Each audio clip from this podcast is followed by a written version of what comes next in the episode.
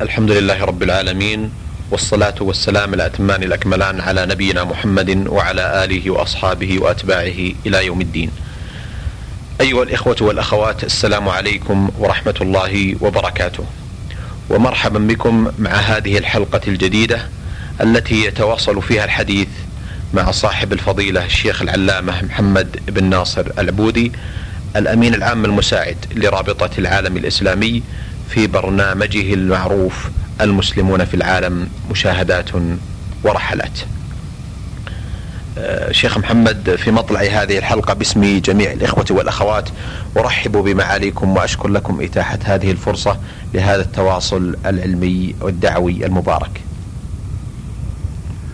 شكرا لكم على حسن ظنكم وأرجو أن يكون فيما آه، نقوله آه، ما يهم المسلمين وما يتطلع إليه آه، آه، بعضهم من المهتمين بأمور المسلمين والرسول صلى الله عليه وسلم كما نعلم يقول من لم يهتم بأمر المسلمين فليس منهم. معالي الشيخ محمد الحقيقة أنه كان لنا حديث آه، لا يمل عن رحلتكم الأولى والمدونة بإفريقية الخضراء. وكانت الحلقات السابقة آه، تناولت آه، هذه الرحلة المباركة بأحوال المسلمين وشؤونهم وتطلعاتهم والحال التي كان عليها الوضع في تلك آه، المدة التاريخية أو الحقبة التي انطلقتم فيها إلى تلك البلاد. بودي معالي الشيخ محمد أن تتكرموا وتتفضلوا بالحديث آه، للإخوة والأخوات من المستمعين والمستمعات عن آه، كتابكم الثاني في الرحلات كيف أو عن ماذا كان؟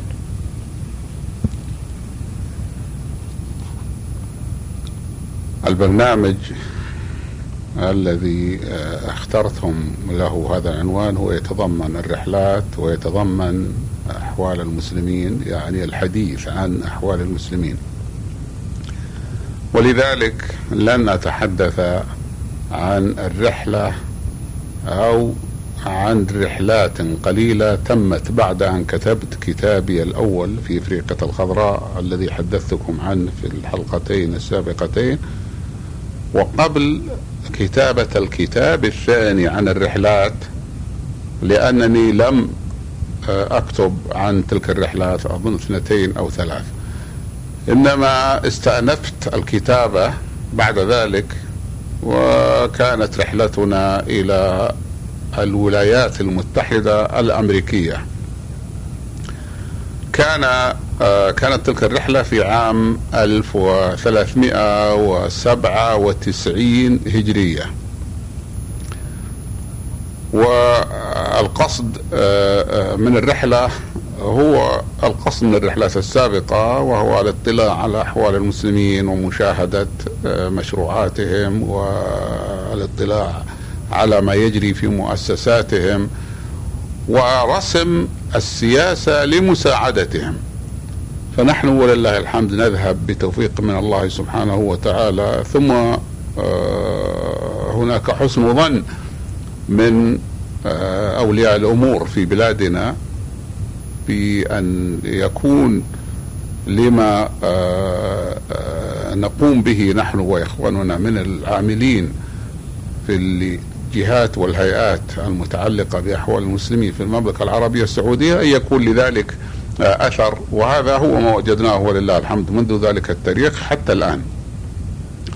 والمقصود من ذلك أننا لا لا يقتصر عملنا على الاطلاع على أحوال المسلمين وإنما يشمل شيئا مهما جدا للمسلمين وهو رسم كيفية مساعدتهم على شؤون دينهم وعلى ما يتعلق بمؤسساتهم من استمرار المدارس إذا كان هنالك مدارس ومن تشجيع الجمعيات الإسلامية ومن توسيع العمل في تلك الجمعيات.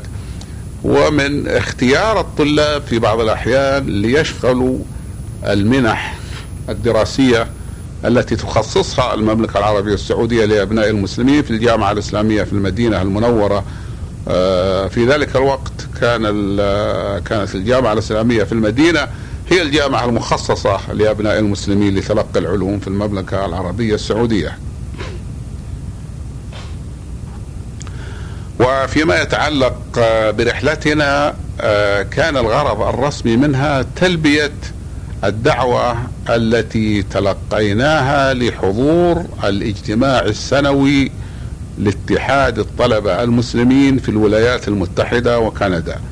وهو اتحاد إسلامي مشهور وله خدمات جليلة وقد تحول اسمه بعد ذلك إلى الاتحاد الإسلامي بدلا من يكون اتحاد الطلبة المسلمين والسبب في ذلك أنه في ابتداء أمره كان بالفعل اتحادا للطلبة بمعنى أن الطلبة هم الذين أنشأوه وهم الذين أداروه. ولكن أولئك الطلبة تخرجوا بعد سنوات وهم لا يزالون يعملون ولا يزال العمل الإسلامي محتاج محتاجا إليهم. لذلك قرروا أن يغيروا الاسم فيجعلوه الاتحاد الإسلامي حتى يشمل الطلبة وغيرهم من المسلمين. كان اتحاد الطلبة المسلمين في ذلك الوقت في عام 1397 هجرية آه، يزمع عقد اجتماع عام له يحضره الطلبة المسلمون المهتمون بأمر الإسلام والملتزمون وغير الملتزمين ولكن آه، غالبا لا يحضر هذه الاجتماعات إلا الملتزمون وقد يحضرها أحيانا أصدقاء للطلبة المسلمين من غير المسلمين ولا يمانعون في ذلك لأنهم يستمعون إلى الدروس ويستمعون إلى آه، آه، ما يشرح لهم ما يتعلق بالإسلام. كثير من الأسئلة التي في نفوسهم يستطيعون أن يتقدموا بها إلى الحاضرين من الطلبة. والحاضرين من المدعوين لأن الطلبة يدعون آه، أعدادا آه، مناسبة من المشايخ ومن آه، المفكرين ومن علماء العلماء المسلمين. فوجهوا لنا الدعوة ونحن استجبنا لهذه الدعوة. كنت في ذلك الوقت أشغل وظيفة الأمين العام للدعوة الإسلامية وهي وظيفة حكومية ومقرها في الرياض وذلك بعد أن انتقل عملي من الجامعة الإسلامية في المدينة المنورة إلى الأمانة العامة للدعوة الإسلامية التي ذكرتها. فسافرت إلى هناك وكان آه، رفيق السفرة صاحب الفضيلة الشيخ عبد الله بن سليمان بن منيع.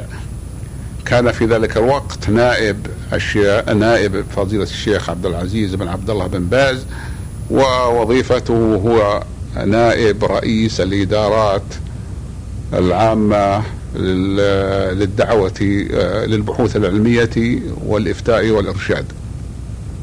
فسافرنا معا عن طريق لندن وبقينا في لندن يومين أو أظن يومين أو ثلاثة أيام تجولنا فيها على مناطق ليس في لندن فقط وإنما في بريطانيا حيث وصلنا إلى آه، مدينة آه، بريمنغهام مدينة برمنغهام والسبب في ذلك أن لدينا معاملات وطلبات من المسلمين في برمنغهام لمساعدة مساعدة جمعياتهم الإسلامية ومنها طلب لجمعية أهل الحديث المركزية هناك فذهبنا إلى هناك من أجل الاطلاع على مؤسساتهم وتعرف حاجياتهم حتى يمكن رسم المساعدة لهم على ضوء ذلك على ضوء ما نشاهده. وتجولنا أيضا في لندن وقيدنا آه، كل ما أردنا تقييده ومن هناك توجهنا إلى الولايات المتحدة آه، الأمريكية. ونزلنا في مدينة بوسطن ولكن لم يكن لنا عمل في مدينة بوسطن ومنها آه، سافرنا إلى مدينة ديترويت عاصمة صناعة السيارات في الولايات المتحدة الأمريكية. وهي مدينة مشهورة بذلك ومدينة كبيرة وفيها مؤسسات إسلامية كبيرة وفيها آه، جالية من العرب معظمهم من اليمانيين آه، العاملين في مصانع السيارات في الأصل. ثم اجتمع إليهم عدد من إخواننا وهم عدد كبير. ربما آه، لا يوجد جماعة من اليمنيين مثلهم في منطقة معينة أو في مدينة آه، معينة. ومن هناك من دوترويت سافرنا إلى مدينة انديانابولس التي هي عاصمة ولاية إنديانا. ومنها انتقلنا إلى مدينة إبلو إلى الحقيقة بلدة ليست مدينة كبيرة يبلغ عدد سكانها نحو من 65 ألف نسمة في ذلك الوقت واسمها مدينة إبلو مونغتون. ويفرقون بينها وبين غيرها بأن يقولون إبلو مونغتون أوف ديانا لأن هنالك مدينة أخرى أو قرية أخرى في الولايات المتحدة اسمها إبلو مونغتون. هذه هي مقر اتحاد الطلبة المسلمين في الولايات المتحدة الأمريكية وهي التي عقد فيها المؤتمر هي مقر المؤتمر الذي عقده الذي عقدت عقدته المنظمة منظمة الطلبة المسلمين التي هي اتحاد الطلبة المسلمين في الولايات المتحدة وكندا. فحضرنا اجتماع الطلبة وكانت فرصة كبيرة لنا بأن نجتمع بإخواننا من الطلبة الذين يهتمون بالشؤون الاسلاميه ويعملون لها ويقومون بأعمال الدعوة ومنهم طلاب سعوديون. أذكر أن من بين الذين اجتمعنا بهم هو أخونا الدكتور مانع ابن حماد الجهني الذي هو الآن الأمين العام للندوه العالمية للشباب الإسلامي. كان من بينهم ومن الأعضاء الفعالين في تنظيم المؤتمر وبطبيعة الحال المؤتمر والمنظمة كلها أسست على أساس إسلامي ليس في أثر للقومية ولا للوطنية وإنما هو في بلد حر والذي هو الولايات المتحدة. والمقصود بالحرية هنا هو وصف مجرد ليس المقصود بذلك أننا نريد أن تكون البلاد الإسلامية حرة مثله مثل حريته وإن كنا نريد للبلاد الإسلامية أن تكون مثله ناجحة في مجال العلوم التجريبية وفي الصناعات وفي التقدم الطبي وفي الإدارة التقدم في الإدارة ولكن لا ينبغي لنا بطبيعة الحال أن ننظر إلى الغرب فنريد أن يكون كل ما لديهم لدينا ونحن لدينا ولله الحمد أشياء كبيرة ونافعة ومفيدة ليست موجودة لديهم. ومن أهمها الطمأنينة الروحية التي أعطاها الله سبحانه وتعالى لمن شاء منا وهي أن يكون الإنسان مطمئنا يكون قلبه مطمئنا بالإيمان وأن تكون عنده السكينة التي لا تباع ولا يمكن أن توجد بغير الإيمان الذي وهبه الله سبحانه وتعالى لقلب الإنسان. نحن نرى كثير من أصحاب الثروات في الغرب وفي الشرق أيضا يبحثون عن أشياء يريدون أن يسروا بها أنفسهم. حتى يصل بهم الأمر إلى أن يتناولوا أشياء من المسكرات وهم يعرفون أنها تضرهم ولكن يزعمون أنهم يريدون أن يجلبوا إلى أنفسهم شيئا من السرور ولكن الواقع أنهم لا يستطيعون ذلك لأنه بعد انقضاء مفعول المسكر وهو ينقضي في وقت قصير تعود المشكلات ويعود الهم ويعود الغم أكثر مما كان وإنما النعيم المستمر هو في الإيمان والإيمان كما نعلم هو فضل من الله سبحانه وتعالى وله أسباب ومن أسبابه طاعة الله سبحانه وتعالى باتباع أوامره واجتناب نواهيه. فالاسلام فالإيمان كما يقول علماؤنا الأجلة علماء السلف من المسلمين الإيمان يزيد وينقص يزيد بالطاعة وينقص بالمعصية. فيجب علينا لكي نحصل بإذن الله على الإيمان أن نتجنب المعاصي وأن نعمل بالطاعات وبالنوافل بقدر ما نستطيع ومن أهم الطاعات والتقرب إلى الله سبحانه وتعالى ومساعده الإخوة المسلمين على أمور دينهم وكذلك مساعدة المحتاجين من المسلمين لأمور دنياهم وأمور معيشتهم أيضا. أحسنتم على الشيخ محمد. ما دام أن الحديث يتعلق الآن برحلتكم إلى أمريكا تلك الدول آه، قد يتساءل بعض من الإخوة المستمعين والمستمعات عن بداية الدخول للإسلام إلى تلك القارة الكبرى وهي أمريكا. ربما لا يعرف بالضبط بداية الإسلام بمعنى اسم أول شخص مسلم دخل إلى تلك البلاد لأنه هذا ربما كان قديما ولكن كان كثير من المسلمين الذين يسافرون إلى النصف الغربي من الأرض الذي هو أمريكا الشمالية وأمريكا الجنوبية لم يكونوا على درجة معينة من فهم الدين.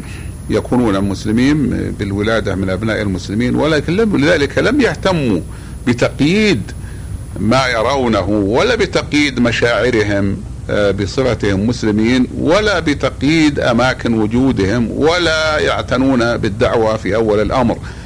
ولكن آه، من الممكن أن نشير إلى شيء مهم جدا وهو أن الذي نعرفه وهذا حسب ما وصلنا من المعلومات أن أول مسجد أقيم في الولايات المتحدة كان في عام 1909 آه، ميلادية. والمراد من ذلك أن أول مسجد بني على هيئة مسجد وليس المراد بذلك أول مصلى.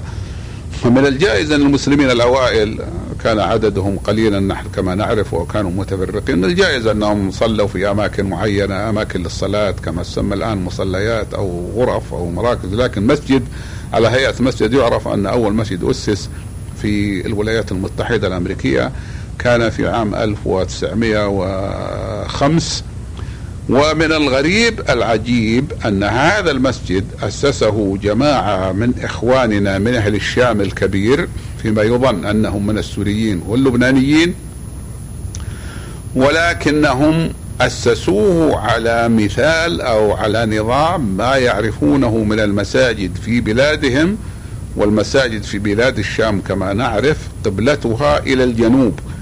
فأسسوا هذا المسجد وجعلوا قبلته إلى الجنوب. ومضوا سنوات أمضوا سنوات طويلة يصلون إلى الجنوب من غير أن يفهموا أن هذا آه، آه، خلاف. ما يجب وأنه على أنه ليس آه، متوجها إلى القبلة. ظنوا أن المسجد طبيعته هكذا أن تكون قبلته إلى الجنوب في أي مكان في العالم. ولم يكلفوا أنفسهم أو يتعبوا أنفسهم بأن يسألوا علماء لأنهم لم يكن تكن لديهم الثقافة الإسلامية الواسعة التي تمكنهم من ذلك. وبعد سنوات جاء إليهم عالم من الشام فقال لهم أنتم أخطأتم القبلة في الولايات المتحدة إلى الشرق وليست إلى الجنوب.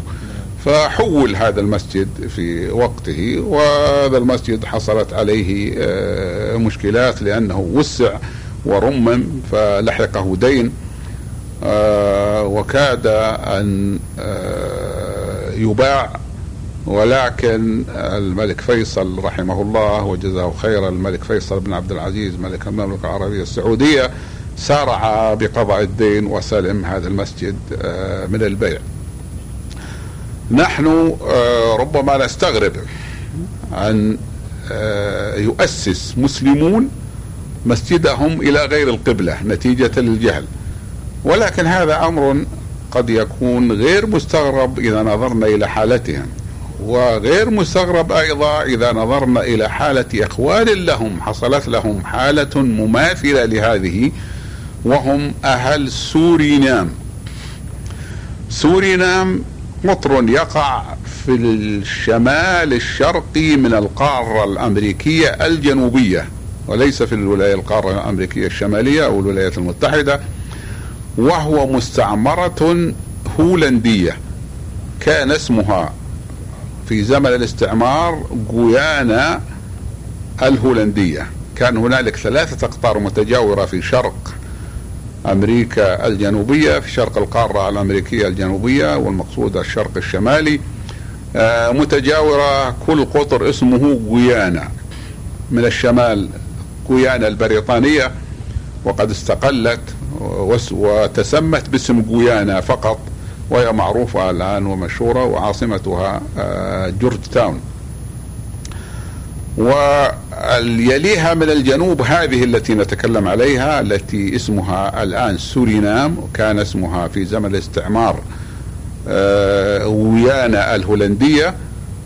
ثم لما استقلوا غيروا اسمها إلى سورينام وعاصمتها اسمها بارا ماريبو موقعها بالضبط يا شيخ. لا يزال اسم العاصمة كما هو بارا ماريبو ولكن اسم الدولة تغير إلى سورينام. الغيانا الثالثة تقع إلى الجنوب من سورينام واسمها غيانا الفرنسية.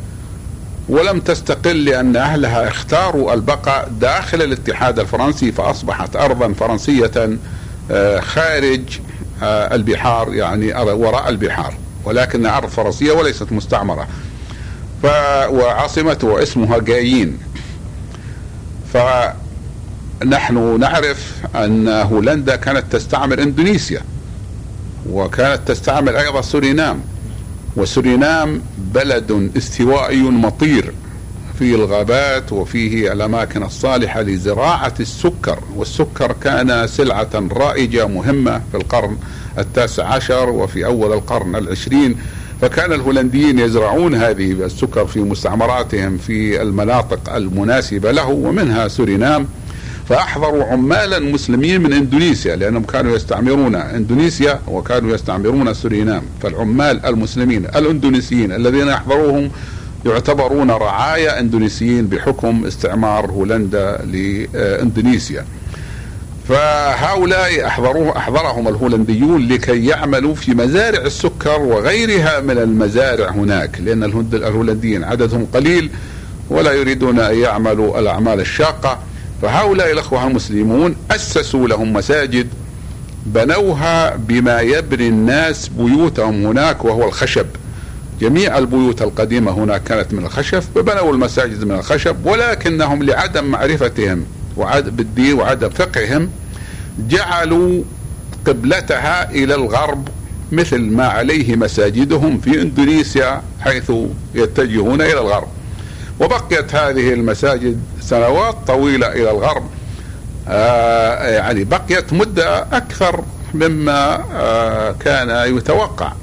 إلى أن جاء دعاة من المملكة العربية السعودية بعثتهم رابطة العالم الإسلامي بعثت بعضهم رابطة العالم الإسلامي وبعثت بعضهم آه، الرئاسة العامة لإدارات البحوث العلمية والإفتاء والدعوة والإرشاد وهم الآن يتبعون وزارة الشؤون الإسلامية والأوقاف والدعوة والإرشاد. فأخبروهم بأن القبلة في هذه البلاد إلى الشرق وليست إلى الغرب فحولوا مساجدهم. وقد صليت أنا في مسجد متجه قبلته متجهة إلى الشرق كما هو الصحيح لأنه لم يبقى أي مسجد الآن قبلته إلى الغرب ولكن هذا المسجد الذي صليت فيه وهذا مصادفة ولا صلينا في مساجد كثيرة عندما ذهبنا إلى هناك من أجل الاطلاع على حالة المساجد ومعرفة ما تحتاجه. يعني تنقلنا من مسجد إلى مسجد لهذا الغرض. فأحد المساجد لا يزال أثر المحراب الذي كان يصلي المسلمون فيه إلى جهة الغرب لا يزال باقيا مع المحراب الجديد المجدد الذي يقع إلى الشرق. لذلك سميت هذا المسجد باسم من عندي سميته مسجد القبلتين. بطبيعة الحال هذا المسجد هذه التسمية ليس معناها إقرار إقرار بأنه يجوز ولكن آه ذكر للواقع. والإخوة المسلمين غيروا آه آه القبلة آه، إلى القبلة الصحيحة غيروها من الغرب اتجاه الغرب إلى اتجاه الشرق. أحسنتم معالي الشيخ محمد. الحقيقة أيضا بودنا أن نتعرف على هل هناك فعلا إحصائية معينة لعدد المسلمين في أمريكا سواء كان ذلك في رحلتكم تلك أو الآن هل هناك إحصائية دقيقة لهذا العدد الموجود هناك؟ الإحصائيات موجودة ولكن لا نستطيع أن نقول إنها إحصائيات دقيقة. فقد ورد على لسان أحد الوزراء الأمريكيين واسمه موجود في مكتبنا وتصريحه وتاريخ تصريحه موجود بأن عدد المسلمين في الولايات المتحدة الأمريكية نحن لا نتكلم على قارة أمريكا كلها يعني تدخل كندا وإنما نتكلم على الولايات المتحدة الأمريكية. وإن كان بعض الناس أخذ آه، يطلق كلمة أمريكا على الولايات المتحدة فقط.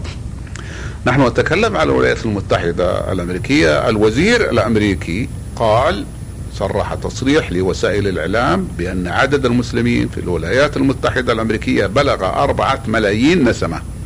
هذا تصريح الوزير. في آخر تصريح ليس لوزير ولا لجهة مسؤولة في الحكومة الأمريكية وإنما لإخواننا المسلمين. بعض المهتمين بهذا الأمر قال إنه أن عدد المسلمين في الولايات المتحدة الأمريكية قد بلغ ستة ملايين مسلم.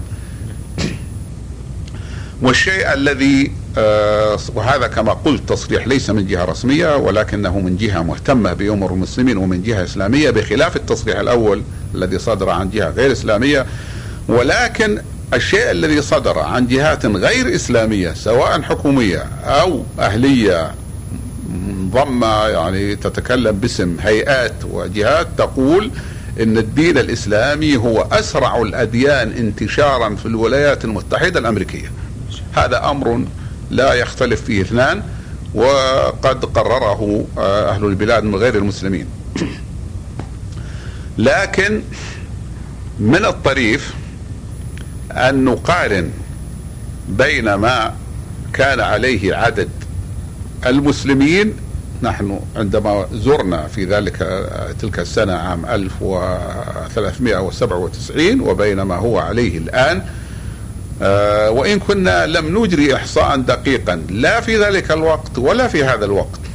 ولكن أجرينا إحصاء دقيقا وموثقا للمساجد للمراكز الإسلامية في الولايات المتحدة. في ذلك الوقت وفي هذا الوقت.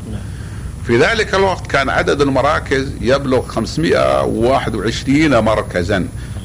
والمركز يكون في مسجد وفي مكتبة وفي آه، آه، مكان لاجتماع الأخوة المسلمين إذا كان الذي أسسه الطلبة أو الذي أسسه مواطنون من غير الطلبة أو حتى أسسه مقيمون آه، مسلمين هناك سواء كانوا أسسوه كلية أو أسسوه بالاشتراك مع الطلبة أو غيرهم بلغ 521 مركزا في ذلك الوقت. قبل أربع سنوات بالضبط تسلمنا إحصاء رسميا. ليس مجرد إحصاء يقول كذا وكذا ولكن عناوين وأسماء وجهات وصناديق البريد للمراكز الإسلامية الموجودة في الولايات المتحدة قبل أربع سنوات فبلغت 1553 مركزا. وكلها موجودة عندنا. لم يقل هذا الكاتب إنه موجود مثلا في ولاية كاليفورنيا أو في ولاية تكساس. موجود آه، خمسة مساجد. لا قال المسجد الفلاني في البلدة الفلانية وعنوانه كذا على شارع كذا وصندوق البريد كذا فهذا موثق وإمامه كذا.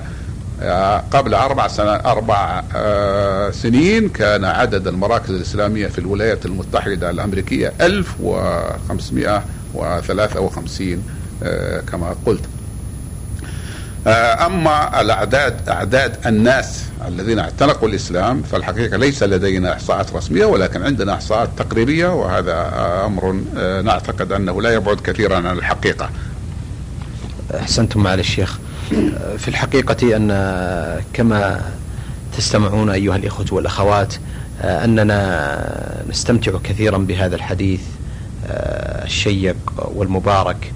الذي نتلقاه من صاحب الفضيلة معالي الشيخ محمد بن ناصر العبودي الأمين العام المساعد لرابطة العالم الإسلامي في حديثه الذي لا يمل عن مشاهداته لأحوال المسلمين في العالم. لكنني أرى أن وقت البرنامج قد أزف وأعدكم بإذن الله تعالى أن يكون لنا تواصل في حلقات قادمة كما عودناكم بإذن الله تعالى عن أحوال المسلمين في العالم ومشاهدات معالي الشيخ لها. آه، لكم تحية مني وإلى اللقاء في حلقة قادمة. والسلام عليكم ورحمة الله وبركاته.